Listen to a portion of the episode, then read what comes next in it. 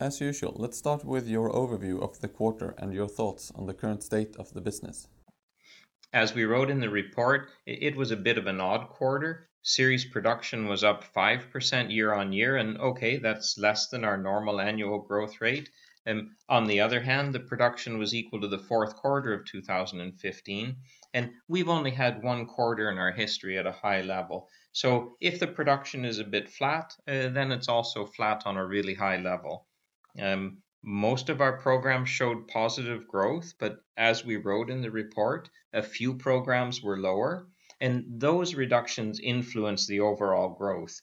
Industrial power represents about 5% of our total production, and many of our shareholders know that the global mining and agriculture industry is down. So our growth in industrial power has to come from the start of production of new products. We can't really look for the sector to ramp up and to carry us forward. And sampling cups and installations were also down year-on-year, but we're not concerned about that at this early stage of the year. Our history has shown that we've always had quarter-to-quarter variations, and that's normal, but those variations are superimposed on an overall growth trend, and that's still the case.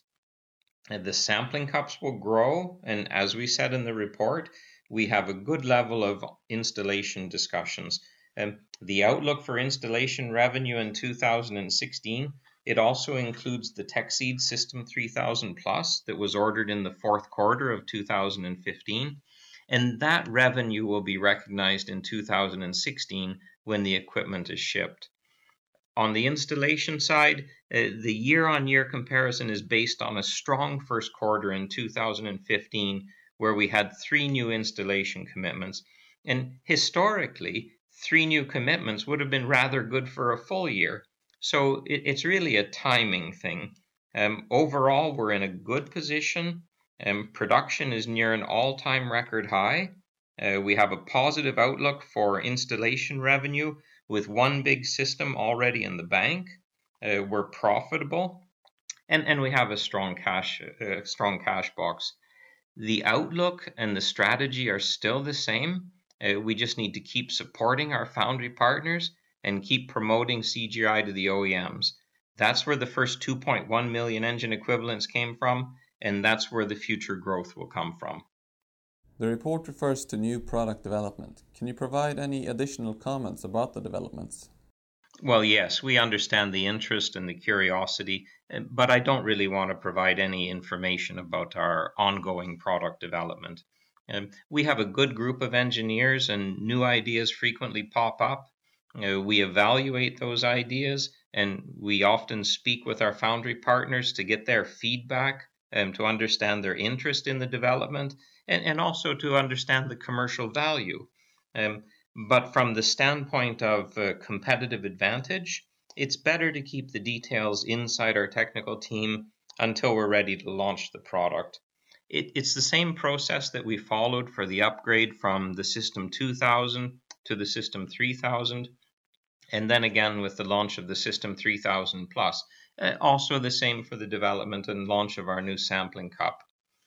On the development side, our ambition is to focus on technologies that will make SinterCast unique and that reinforce our position in the market as a technology leader.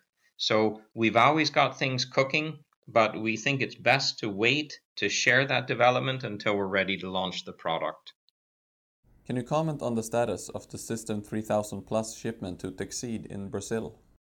The System 3000 Plus for Teksid in Brazil is it's currently waiting for customs approval. Um, in Brazil, the import paperwork needs to be completed before the equipment can be shipped. Uh, we've provided all of the technical information about the equipment, and Teksid has submitted the paperwork, so the process is now with Brazilian customs. Uh, we're told that the customs process can be up to 120 days, so we're just in a holding pattern, waiting for the okay to ship. In the meantime, our engineers have agreed on the installation layout and the process flow, so that's all been done in parallel.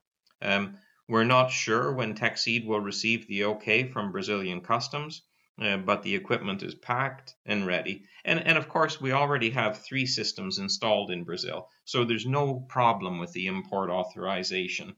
Um, it's just an administrative formality to file the papers and get the stamp, and we're waiting for that. We're ready to go.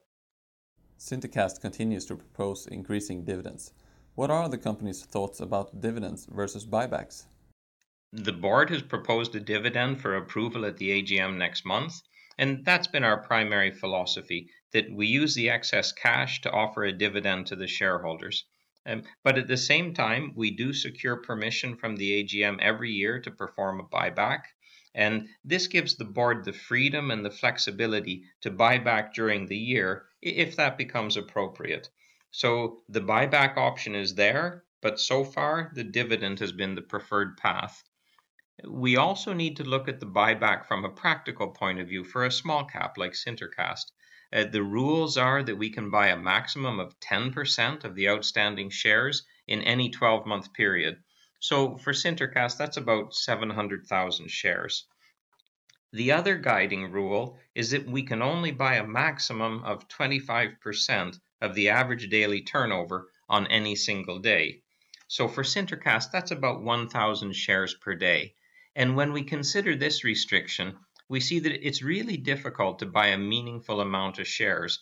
We would need a full year of daily trading and supporting and tracking the trading every day to accumulate 250,000 shares, eh, which is a full year of effort for only 3%. Um, so we keep the buyback option open and, and we listen to the shareholders but the most likely scenario is that we continue primarily with the dividend path.